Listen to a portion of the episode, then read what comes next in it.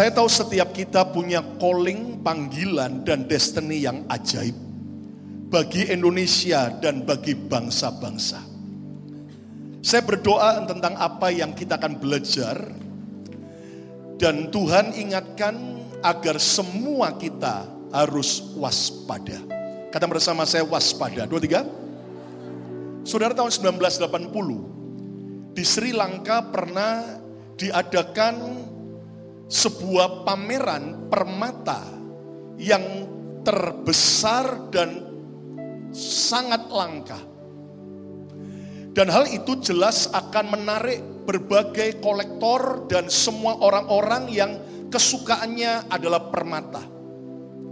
Maka panitia membuat sebuah penjagaan terhadap satu permata yang terbesar di mana mereka menaruh sebuah sistem security yang tahun itu dianggap sudah paling canggih. Di mana ditaruh di sebuah kotak yang kemudian di bagian dalam kotak diberi beberapa ular kobra yang sangat berbisa. Lalu penjagaan yang ketat supaya tidak ada kesempatan pencuri mencurinya. Nah, apa yang terjadi dalam pameran yang berjalan sekian hari dengan penjagaan ekstra ketat, memang akhirnya, saudaraku, permata yang besar itu tidak tercuri, aman. Tetapi panitia begitu kaget dan shock berat. Kenapa? Karena ternyata beberapa permata-permata lain yang lebih kecil yang juga dipamerkan ternyata hilang. Kenapa? Karena mereka hanya fokus kepada satu permata yang besar, tapi beberapa permata yang kecil-kecil itu mereka tidak berjaga-jaga waspada dan ternyata pencuri mencurinya. Yang lebih menyesakkan hati para panitia, beberapa permata-permata kecil yang tercuri itu kalau digabung harganya ternyata jauh lebih mahal daripada satu permata yang dijaga ekstra ketat. Nah hal ini mengingatkan setiap kita bahwa semua kita harus waspada. Katakan amin, saudaraku. Nah, kita nggak boleh lengah di dalam satu sisi apa pun dalam hidup kita. Karena musuh itu sering kali melihat saudara lagi ekstra berjaga-jaga di mana nih. Tetapi ketika ada bagian dalam hidup kita yang sedang mulai kita tidak berjaga-jaga, di situ yang sering kali akan coba diserang. Saudara tahun ini kalau Anda jeli, membuat kita harus terus waspada. Kenapa? Karena kita melihat paling tidak yang terdengar ada tiga orang kaya, tiga orang yang terkenal yang berakhir dengan bunuh diri.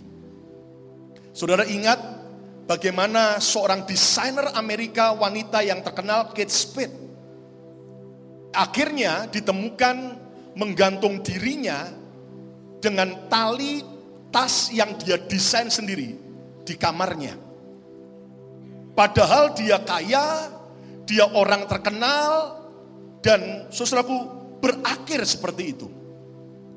Belum selesai dunia kaget, tiba-tiba Anthony Berdin, seorang yang terkenal di CNN hampir tiap hari muncul di acara traveling ke seluruh dunia untuk mempertontonkan makanan-makanan eh, khas daerah tersebut di tengah puncak ketenarannya, di tengah puncak kejayaannya, kekayaannya.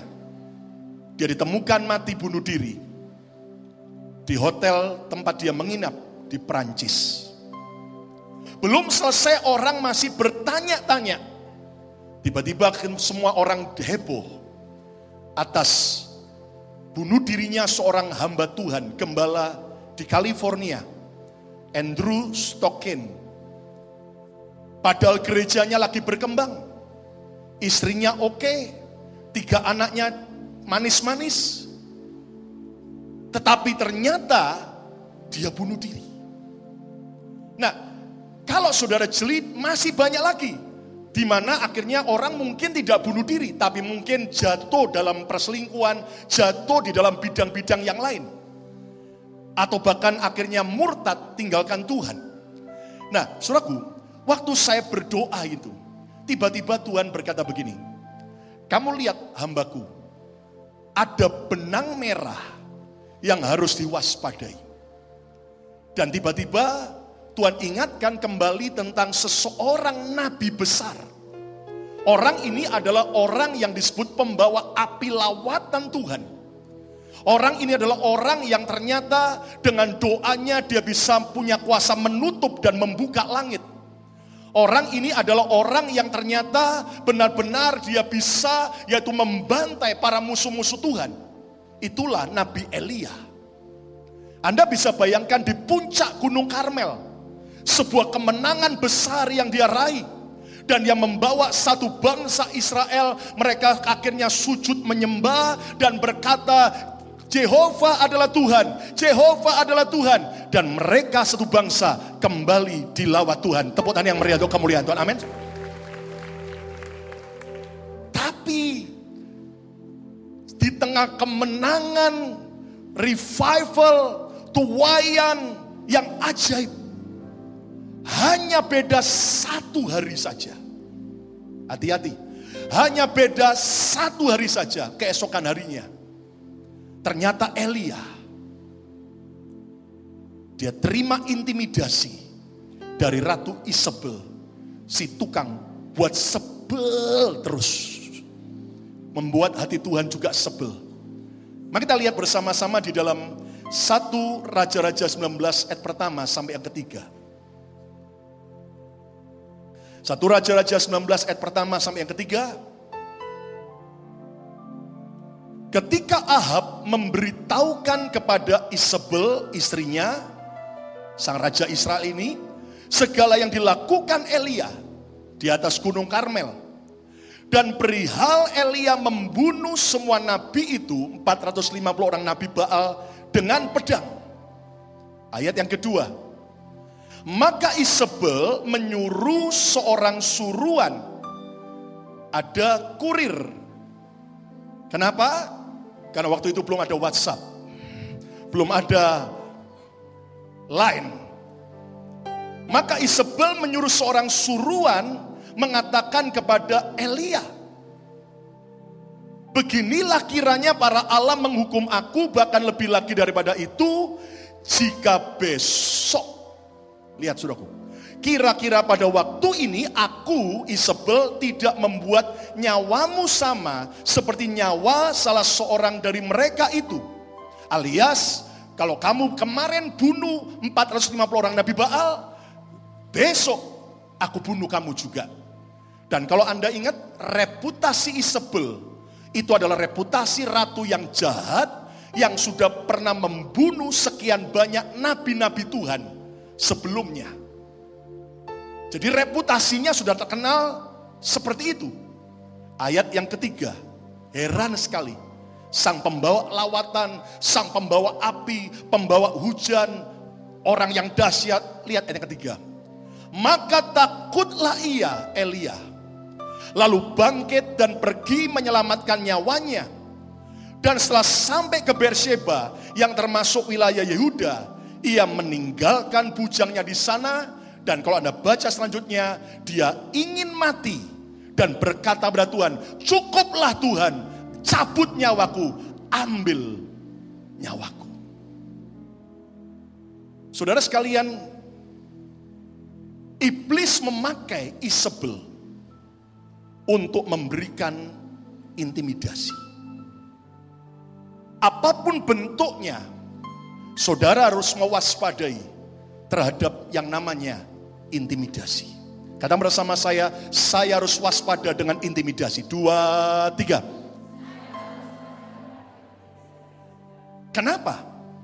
Karena kalau Anda mengerti sebuah kemenangan yang besar itu tidak boleh membuat kita waspada kapan pun juga.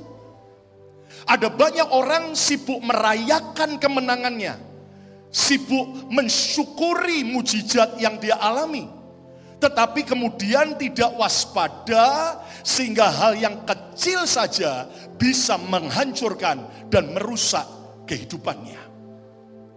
Saudara Elia ketakutan, bahkan ia lari dari panggilan sebagai seorang nabi dan ia ingin mati. Yang saya mau katakan buat siap kita semua, para pasukan Tuhan pagi hari ini. Saudara, kita harus bisa mengalahkan setiap intimidasi. Setan sering kali pakai mungkin orang lain yang mencoba dengan sikap, tindakan, perkataannya mengintimidasi kita. Mungkin pasangan kita, mungkin orang tua kita, mungkin anak kita, mungkin orang-orang yang membenci kita, atau juga setan bisa pakai dengan cara kenyataan dan keadaan yang mungkin tidak seperti yang kita harapkan. Kok aku dengar yang lain alami lawatan? Kok aku dengar yang lain alami terobosan? Kok aku belum ya? Dan tanpa sadar itu bisa mengintimidasi dan merusak hidup orang percaya. Setan juga bisa pakai suara di pikiran, suara di hati. Saudara harus tetap waspada Gak semua yang kita dengar di pikiran maupun di hati itu suara Tuhan. Kadang-kadang iblis bisa menyusup dan Anda mengerti seperti Yudas Iskariot. Alkitab berkata iblis membisikkan. Dan itu bisa intimidasi yang membuat kita bisa ketakutan, khawatir, down, kehilangan api, kehilangan cinta dan akhirnya kalau kita tidak waspada akan menghancurkan. Saya berdoa dalam nama Yesus mulai hari ini stop korban intimidasi. Semua kita para pasukan Tuhan harus menang atas setiap intimidasi. Yang percaya tepuk tangan yang meriah untuk kemuliaan Tuhan. Amin. Judul khotbah saya pagi ini adalah menang atas intimidasi.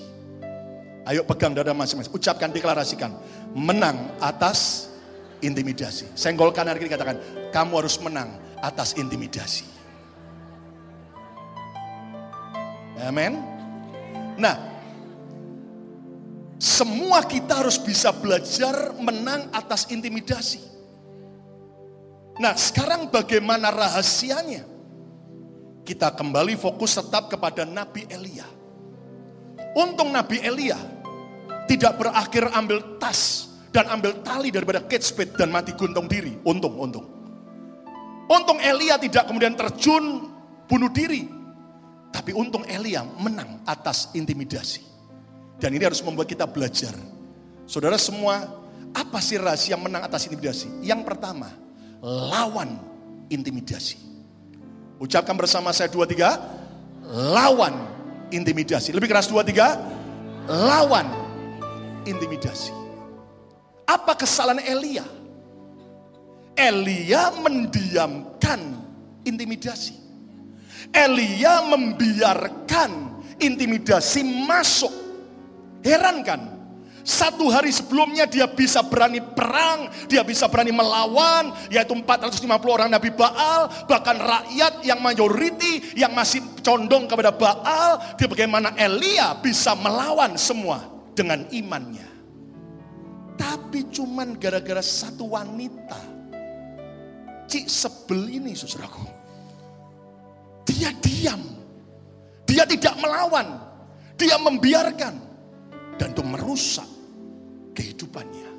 Alkitab berkata tadi, maka takutlah ia, Elia, ayat yang ketiga, lalu bangkit dan pergi menyelamatkan nyawanya, dan setelah sampai ke Berseba, yang termasuk wilayah Yehuda, ia meninggalkan bujangnya di sana, ayat yang keempat, tetapi ia sendiri masuk ke padang gurun sehari perjalanan jauhnya, lalu duduk di bawah sebuah pohon arar, kemudian ia ingin mati, katanya, cukuplah itu, sekarang ya Tuhan, ambillah nyawaku, sebab aku ini tidak lebih baik daripada nenek moyangku. Kesalahan Elia, dia mendiamkan. Saudara ingat salah satu nama si jelek di Alkitab adalah Beelzebul. Beelzebul adalah dewa lalat. Dan Anda tahu, kesukaan lalat adalah kalau di padang mendekati domba. Dan Anda mengerti domba itu kenapa suka didekati lalat? Karena domba di padang jarang mandi. Ya, dan Anda mengerti kenapa ong untuk minum saja sering kali sulit apalagi mandi. Bedanya lalat dengan lebah. Lebah suka bunga yang cantik, yang harum, menghisap madu. Sementara lalat itu suka yang jorok, yang bau, dan kemudian semua yang kotor. Nah Anda mengerti itulah sifat setan. Anak-anak Tuhan harus suka yang baik dan sedap didengar. Katakan amin. Nah, saudaraku, apa yang terjadi? Lalat itu mulai hinggap dan ketika semakin panas, maka lalat mencari tempat yang lembab. Masuk ke mana lalat itu? Ke dalam telinga domba. Lalu masuk ke dalam telinga domba dan kemudian si lalat itu mulai bertelur. Lalu kemudian ketika telurnya menetas, jadi ulat, jadi jentik-jentik, ulat-ulat lalat itu mulai masuk lebih dalam lagi sampai masuk ke otak domba. Maka domba itu kesakitan, domba itu jadi gila dan akhirnya membentur-benturkan kepalanya ke batu dan akhirnya mati. Waspada iblis seperti Beelzebul disebut seperti lalat yang sering kali masuk ke telinga kita masuk melalui apa yang kita baca yang mengintimidasi kita. Hari ini jangan diam, lawan intimidasi yang mau tepukan yang meriah untuk kemuliaan nama Tuhan. Kalau saudara diamkan itu merusak kita. Nah, jangan pernah takut dengan intimidasi. Kenapa Yesus berkata, kamu jangan takut pada manusia yang cuma bisa membunuh tubuh tapi tidak berkuasa membunuh jiwa dan roh. Tapi takutlah kepada Tuhan yang berkuasa di atas segala-galanya. Saudara, terkadang kita terintimidasi oleh orang. Kita dibully dengan semua yang merupakan kata-kata negatif. Hari ini, lawan semua. Saya tidak mengajar kemudian Anda ajak orang itu berantem. Enggak, saudaraku. Anda harus tahu di balik mertuamu yang galak, ada setan yang menyusupi mertuamu. Ingat baik-baik, bukan mertuamu yang setan, bukan saudara. Tapi di balik mertuamu ada siapa? Setan. Yang mungkin perkataannya, sikapnya mengintimidasi Anda. Ingat yang dilawan bukan mertua, tapi iblis yang dibaliknya. Dan sudah akan tahu kemenangan demi kemenangan akan terjadi. Kata amin. Kadang-kadang sifat manusia aneh, mengintimidasi susah. Jangan takut. Saya ngolokkan ini, jangan takut Amin, saudaraku. Kenapa? Toh semua manusia sama-sama diciptakan oleh Tuhan asalnya dari tanah. Tapi Pak, kok ada orang yang pemarah, suka marah, mengintimidasi saya? Mungkin dia itu diciptakan dari tanah sengketa. Makanya suka bersengketa. Karena asal pembuatannya keliru, tanah sengketa, saudaraku. Ada orang yang sifatnya labil. Sebentar ini, sebentar ini, tidak pernah bisa dipegang ucapannya. Mungkin dia diciptakan dari tanah urukan. Makanya nggak steady, saudaraku. Ada orang yang suka belanja, pastikan itu tercipta dari tanah abang. Kalau ada orang som-som sekali, sombong banget, dia diciptakan dari tanah tinggi. Kalau ada orang suka ngeyel, suka ngeyel, pastikan kalau dia diciptakan dari tanah campur sampah, saudara. Atau orang yang suka fitnah, iri hati, suka menghasut dan sejenisnya, dia diciptakan dari tanah lumpur got, saudaraku. Tapi setiap kita anak-anak Tuhan, tentara Tuhan, kita diciptakan dari tanah yang baik daripada Tuhan. Tepuk tangan yang mereka amin, saudaraku. Jadi belajar lawan. Jangan diamkan. Survei membuktikan banyak hamba Tuhan jatuh bukan di hari Sabtu, bukan di hari Minggu ketika mereka lagi mau pelayanan. Tapi banyak hamba Tuhan jatuh di Amerika di survei Senin. Waktu day off. Waktu lagi nyantai. Waktu, waktu lagi nganggur. Dan tiba-tiba godaan, intimidasi, kalau tidak diwaspadai, itu akan menghancurkan. Kata bersama saya, lawan intimidasi. Dua, tiga. Yang kedua, rahasia menang atas intimidasi kembali belajar dari Elia. Sekarang lihat bagaimana Elia melakukan sesuatu sehingga dia pulih. Yang pertama tadi lawan intimidasi, yang kedua adalah perkuat dirimu. Ulangi lagi dua, tiga. Perkuat dirimu. Untuk saudara bisa menang atas intimidasi, perkuat diri saudara. Lihat satu Raja-Raja 19 ayat 5 sampai 8. Sesudah itu ia Elia berbaring dan apa? Kurang keras. Katakan apa? Ti? Tidur. Ucapkan sama saya tidur. Di bawah pohon arar itu tetapi tiba-tiba seorang malaikat menyentuh dia. Menjama Elia. Serta berkata kepadanya. Bangunlah. Makanlah. Ucapkan bersama saya makanlah. Ayat yang keenam. Ketika ia Elia melihat sekitarnya maka pada sebelah kepalanya ada roti bakar. Kata bersama saya roti bakar. Dan sebuah kendi berisi air. Kata bersama saya kendi berisi air. Lihat. Lalu ia Elia makan dan minum. Kemudian berbaring pula. Tadinya dia tidur. Setelah tidur sekian saat disentuh malaikat. Bangun, bangun, bangun. Suruh makan. Dan minum. Selesai ngapain lagi? Tidur lagi. Ayat yang ketujuh. Tetapi malaikat Tuhan datang untuk kedua kalinya dan menyentuh dia serta berkata, Bangunlah, makanlah. Sebab kalau tidak perjalananmu nanti terlalu jauh bagimu. Ayat yang ke-8. Maka bangunlah ia Elia. Lalu makan dan minum. Dan oleh kekuatan makanan itu, ia berjalan 40 hari 40 malam lamanya tanpa berhenti sampai ke gunung Allah, yakni Gunung Horeb. Saudara Alkitab kita itu bukan cuman bicara perkara rohani. Tapi Alkitab kita juga menyentuh perkara-perkara yang duniawi. Tahukah Anda bahwa Elia, kenapa dia bisa terintimidasi? Saya coba bisa bayangkan, dan mari kita bayangkan. Kalau saudara mau buat sebuah kegerakan acara besar, saya yakin saudara akan terkuras energi Anda. Saya yakin saudara akan banyak doa puasa, Anda doa keliling, Anda kemudian lakukan banyak pemetaan dan sebagainya sampai persiapan. Nah hal yang sama Elia, yakin, saya yakin sebelum dia menantang para nabi Baal naik ke atas gunung Karmel. Dia lakukan banyak persiapan. Dia kurang istirahat, dia kurang tidur, dia kurang makan, dia banyak puasa. Dan di sini waspada.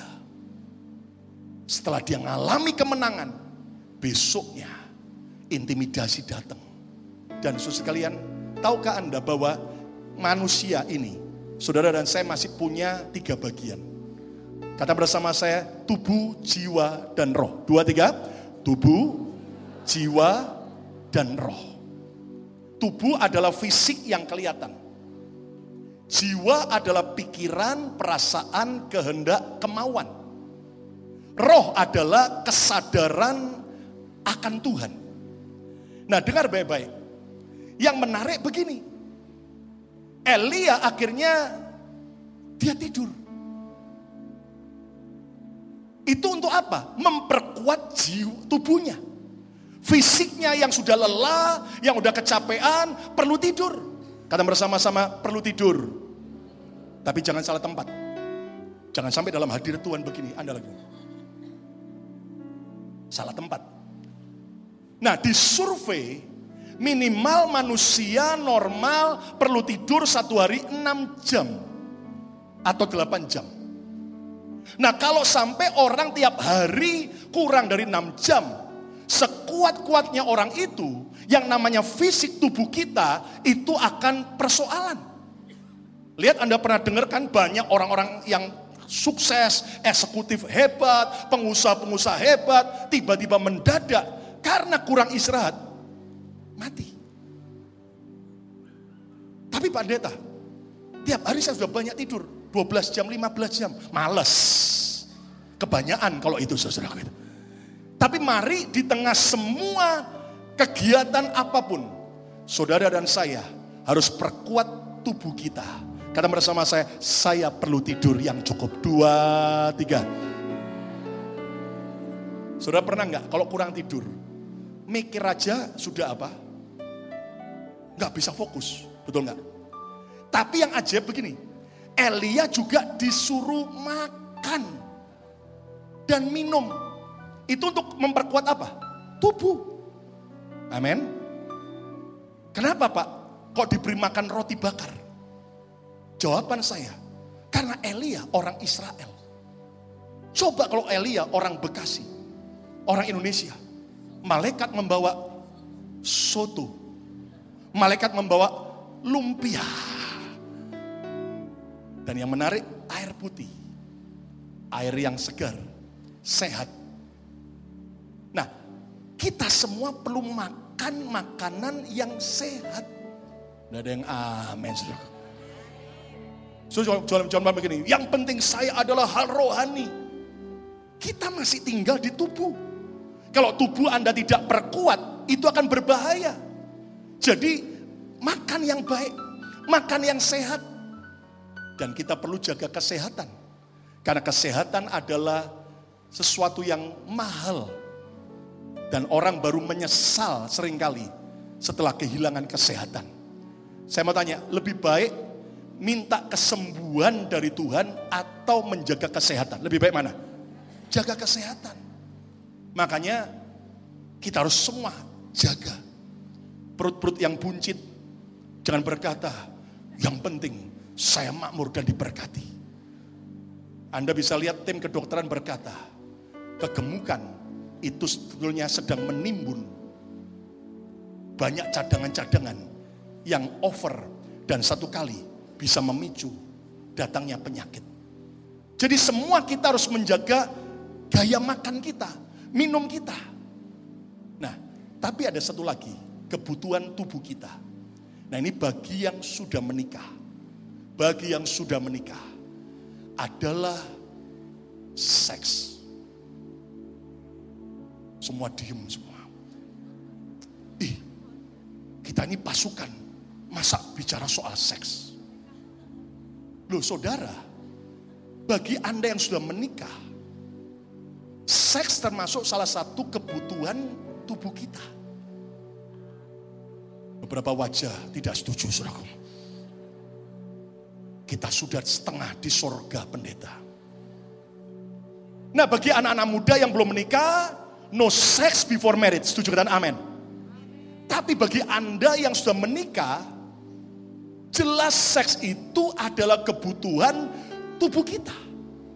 Dan survei membuktikan bahwa orang suami istri yang kehidupan seksnya sehat, maka mereka akan punya sebuah tubuh dan jiwa yang sehat juga. Saya pernah diminta berbicara di depan sekian ratus para gembala. Saya nggak sebut di mana tempatnya. Lalu saya sharing salah satu tentang good friend zaman now. Kenapa ada pemimpin bisa jatuh dalam perselingkuhan dan sebagainya. Lalu kemudian saya buat sudah nyatakan sebuah survei. Salah satu tanda pernikahan yang sehat. Itu survei yang bisa dipercaya dan oke. Minimal suami istri hubungan seks minimal satu kali dalam seminggu. Itu masih oke. Dua kali dalam seminggu sehat. Lebih dari dua kali dalam seminggu bonus namanya. Nah, jujur, bagi Anda yang sudah menikah, sehatkah kehidupan seks Anda sebagai suami istri? Anda ingat bagaimana sebenarnya itu penting. Paulus sampai berkata, jika kamu tidak tahan bertarak, apa? Kawin. Tapi bagi kita yang sudah menikah, kalau tidak tahan berpisah sekian lama karena doa puasa, karena peperangan, karena pelayanan, harus kumpul kembali supaya kamu jangan digodai oleh iblis. Ah, diam semua saudaraku. Ini kayaknya nggak rohani. Loh, saya mau menyentuh Ibu Panglima banyak bicara yang rohani. Saya menyentuh yang mendarat dulu, saudaraku. Coba jujur, Anda bisa tebak apa pertanyaan saya kepada sekian ratus gembala? Saya tanya gini, siapa di sini para gembala yang satu minggu satu kali hubungan seks dengan istrinya atau dengan suaminya? Angkat tangan. Sudah tahu? Saya kaget. Tidak lewat dari 50% yang angkat tangan. Ada gembala yang tua begini terus. Tidak berani melihat saya. Terus saya pikir gini, oh mungkin satu seminggu terlalu sedikit. Makanya yang angkat tangan cuma sekian. Saya tanya, siapa yang dua kali seminggu? Malah nggak ada yang angkat tangan. Terus saya datangi gembala yang tadi tua yang begini. Saya tanya, maaf pak, bapak bagaimana kehidupan seksnya? Lalu dia berkata dengan jujur, Pak Lukas, sudah enam bulan lebih saya di off-kan sama istri. Enam bulan lebih saya di off-kan sama istri. Jujur, kalau itu dibiarkan, bahaya. Setan bisa nyerang dari sisi situ. Kenapa? Saya tanya kenapa? Istri saya banyak doa puasa. Katanya begitu saya deketi, sorry, tiga hari tiga malam puasa. Oke, saya sabar menanti tiga hari lewat. Tiba-tiba berkata, tapi roh kudus berkata 40 hari 40 malam doa puasa. Sementara di gereja mungkin ada teman-teman atau jemaat yang lain yang kemudian dan itu kalau tidak diwaspadai bahaya loh. Nah, saya tahu beberapa pria wajahnya sudah mulai berbinar-binar benar ini. Dengar tuh, dengar tuh. Tapi saudara, mari kita belajar. Suami juga tidak boleh egois. Pagi dibentak-bentak istrinya. Marah-marahin. Malam minta. Anda harus tahu itu jelas tidak baik. Belajar diskusi. Saya dengan istri kami juga selalu diskusikan. Bila perlu Anda buat jadwal bersama. Tidak ada yang amin saudaraku. Ini wah kayaknya semua sudah di sorga semua ini saudara. Kalau tidak bahaya loh saudara. Akhirnya bahkan tanya kepada pasangan Anda. Apa yang kamu sukai? Si istri mungkin berkata, Aku suka kalau sebelumnya kamu gosok gigi. Kenapa? Habis makan pete, jengkol, durian. Ya itu bagi istri tidak, tidak suka. Atau mungkin perlu didiskusikan. Kapan waktu yang terbaik? Malam kah? atau pagi. Kadang-kadang suami egois. Saya mau sekarang. Ya tidak bisa. Karena ini bukan objek. Tetapi hubungan seks bagi suami istri adalah sebuah cara Tuhan mengekspresikan cinta dan juga mengalami yang terbaik daripada Tuhan. Tepuk tangan yang meriah untuk kemuliaan. Amin. Maka perlu didiskusikan Istri mungkin berkata, aduh saya ini nggak suka kalau malam udah capek, sibuk menjaga anak-anak dan sebagainya. Jadi suami nggak boleh egois, tanya baik-baik. Kapan waktu yang terbaik? Pagi hari. Gimana? Ya sudah, bangun lebih pagi sebelum anak-anak bangun. Kalau tidak, itu akan bermasalah. Sebaliknya, para wanita, para istri, jangan jadikan seks sebagai cara mengintimidasi. Terutama begitu jalan ke mall, ada tas baru. Tolong belikan. Ah, tasmu sudah banyak nggak mau, nggak, usah beli. Awas, off satu tahun. Itu berbahaya. Amsal pasal 5 berkata tentang seks wanita, seks pria, dan di sana dikatakan bersukacitalah dengan istri seperjanjianmu supaya benar-benar kita alami kemenangan dan kekuatan yang ajaib. Teputan yang meriah kemuliaan nama Tuhan. Amin. Nah, tubuh perlu apa? Tidur. Tubuh perlu apa? Makan, minum. Tubuh perlu apa? Bagi yang sudah menikah, seks. Nah, bagi yang belum menikah, dengar baik-baik. Kalau engkau mau dihargai oleh Tuhan dan oleh orang lain. Anda harus bisa menghargai dirimu sendiri. Kalau handphone saudara saja Anda kasih password, sehingga tidak semua orang bisa membuka handphone Anda. Dengar baik-baik, jangan pernah serahkan seksmu kepada siapa pun juga sebelum sah sebagai suami istri di dalam Tuhan. Yang sujud tepukan yang meriah kemuliaan. Amin. Nah, secara jiwa, memperkuat jiwa.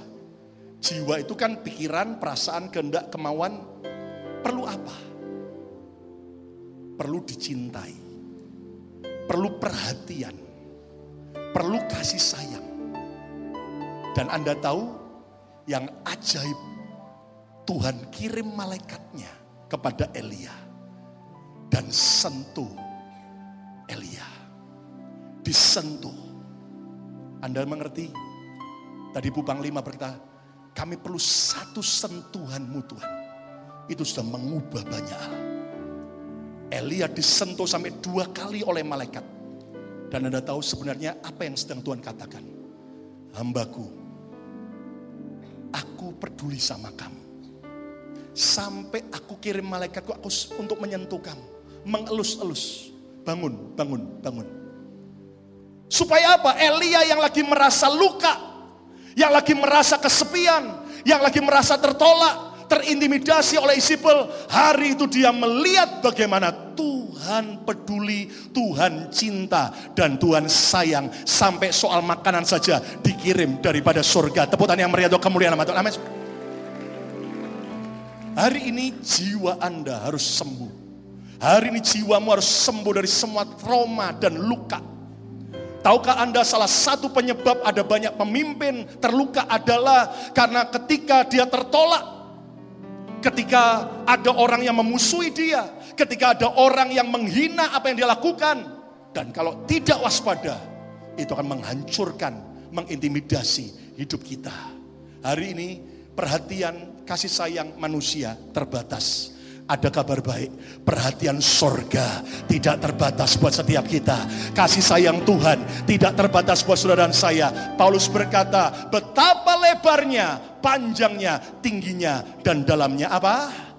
Kasih Yesus. Pegang dada masing-masing. Aku dicintai Tuhan. Aku dipedulikan Tuhan. Aku tidak ditinggalkan sendiri. Yang sujud putan yang meriah kemuliaan nama Tuhan. Amin. Lalu secara roh supaya Elia kuat adalah apa? Ketemu hadirat Tuhan. Lihat bagaimana dia berjumpa dengan Tuhan di atas gunung Horeb itu. Dia mendengar suara Tuhan. Dan di situlah yang membangun, menguatkan rohnya kembali. Hari ini suraku, kita harus seimbang. Perkuat tubuh saudara, perkuat jiwa Anda, tetapi juga perkuat roh kita. Apa pun yang tidak seimbang akan mudah jatuh. Mimbar ini bisa berdiri, kenapa? Karena steady seimbang, kanan kiri dan depan belakangnya. Kalau semua kita kuat diri kita secara tubuh, jiwa dan roh.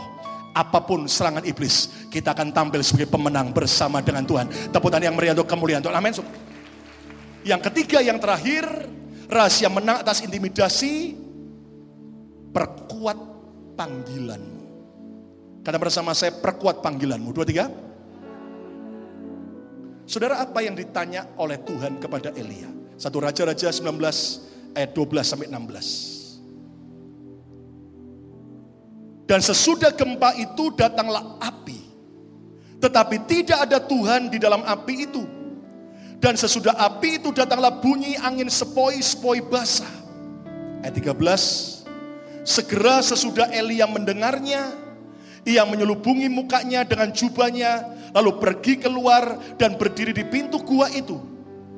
Maka datanglah suara kepadanya yang berbunyi, suara Tuhan bertanya, Apakah kerjamu di sini, hai Elia? Ini pertanyaan Tuhan. Kalau bahasa gaulnya sekarang, lu ngapain di sini? Ini bukan tempatmu Elia. Lihat apa yang terjadi ayat yang ke-14. Jawabnya, Aku bekerja segiat-giatnya bagi Tuhan Allah semesta alam. Karena orang Israel meninggalkan perjanjianmu, meruntuhkan mesbah-mesbahmu, dan membunuh nabi-nabimu dengan pedang. Hanya aku seorang dirilah yang masih hidup. Dan mereka ingin mencabut nyawaku. Ayat 15. Firman Tuhan kepadanya. Baca sama-sama apa? Pergilah. Terus apa? Kembalilah ke jalanmu. Stop dulu. Apa yang Tuhan katakan? Lu ngapain di sini Elia? Ini bukan tempatmu. Sono, kembali. Balik ke jalanmu. Artinya apa? Kembali pada callingmu. Kembali pada destinimu. Kembali kepada panggilanmu. Melalui padang gurun ke Damsik. Dan setelah engkau sampai, engkau harus mengurapi Hasael menjadi raja atas Aram. Ayat 16, juga Yehu cucu Nimsi. Haruslah kau urapi menjadi raja atas Israel. Menggantikan Ahab dan Isabel dan Elisa bin Safat dari Abel Mehola harus kau urapi menjadi nabi menggantikan engkau. Saudara, apa yang Tuhan katakan kepada Elia? Pergi, balik ke jalanmu. Kembali, engkau nabi, engkau hambaku. Tempatmu bukan di sini, tempatmu bukan untuk mati. Kamu punya sebuah panggilan yang besar, destiny, tugas, sana kembali.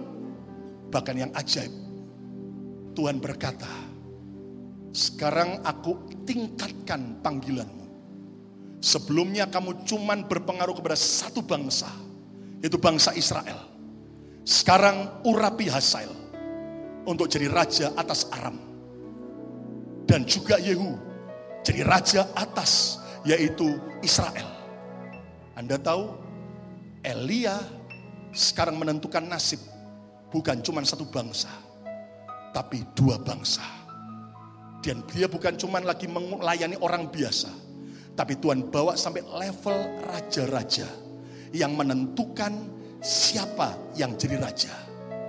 Dan yang ajaib, Elisa juga kau urapi untuk jadi penggantimu. Untuk apa? Agar Elia menyiapkan susesornya, calon penerusnya. Saudaraku, untuk mengalahkan intimidasi yang terakhir, perkuat panggilanmu. Destiny Anda sebagai pasukan Tuhan. Arti nama Mahanaim adalah tentara. Bala tentara surga. Keadaan apa pun mengintimidasi. Jangan pernah goyah dari panggilan ini. Apa pun yang terjadi, tuntaskan. Perkuat panggilanmu. Kerjakan. Walaupun gak masuk akal. Walaupun mungkin banyak tantangan. Tapi percaya, the master of breakthrough. Tuhan yang setia, yang akan bekerja dan menyelesaikan semua dengan cara yang dahsyat dan ajaib. Satu perkara hari ini, perkuat panggilanmu. Kalau engkau sebagai seorang suami, jadilah suami yang baik, jadilah ayah yang baik, anda seorang istri, jadilah istri yang baik, jadilah ibu yang baik. Kalau sudah terpanggil sebagai seorang pendoa, jadilah pendoa yang dahsyat. Anda terpanggil sebagai seorang pengusaha, jadilah pengusaha yang dahsyat, yang mencintai Tuhan dan yang mendanai semua kegerakan daripada Tuhan. Katakan amin. Jangan pernah goyah dari panggilanmu. Setan berusaha menjegal kita agar kita menyimpang dari calling kita. Hari ini Tuhan mau berkata, kembali kepada destinimu. Mari kita berdoa bersama-sama. Kami tahu ini firman sedang mengajar dan bicara buat setiap kami Tuhan. Hari ini ingatkan kami kembali agar apa pun kami tidak boleh kalah dengan intimidasi Ingatkan kami bahwa kami harus bisa menang atas intimidasi. Bukan hanya pada waktu kami berkumpul bersama-sama seperti hari ini. Tapi pada waktu kami sendirian, di mana pun kami berada, hari ini Tuhan, kami mau memperkuat diri kami. Kami mau perkuat tubuh, jiwa, dan roh kami. Kami juga mau perkuat panggilan kami. Biar kami tidak pernah goyah dengan setiap panggilan Tuhan. Kami juga mau lawan intimidasi. Kami tidak mau mendiamkan. Saudara, selasa kemarin waktu saya baru mendarat dari Amerika ke Jakarta. Saya kunjungi Bapak Pendeta Ibrahim Saifuddin yang dipenjara dua tahun karena beritakan Injil. Saya berencana kata-kata apa yang menguatkan dia. Tapi begitu ketemu, saya kaget dia segar, sehat, penuh sukacita. Bahkan dia cerita banyak tentang perbuatan Tuhan yang ajaib. Lalu saya tanya, Bapak sekarang di penjara ini? Oh ya, di lapas satu Tangerang. Sebelumnya saya ada di tempat yang lain. Kenapa Bapak dipindahkan? Saya dipindahkan karena sudah terlalu banyak narapidana lain. Terima Yesus dan dibaptis. Lalu dia tunjuk beberapa anak buahnya yang di penjara yang baru. Ada beberapa bandar narkoba sudah bertobat. Ada beberapa yang di atasnya masih ada jahitan. Ya kan? Baru dijahit. Kenapa? Ya karena itu, Saudara. Tapi akhirnya dia bilang, ini semua sedang saya siapkan. Saudaraku, dia berkata, Pak Pendeta, saya tidak akan pernah goyah dengan panggilan saya. Penjara tidak bisa memenjarakan panggilan saya. Dan dia berkata, saya masih kurang setahun dua bulan. Tapi saya waktu keluar nanti, saya akan lebih gila-gilaan bagi Yesus Tuhan. Kembali perkuat panggilan saudara. Mari datang pada Tuhan.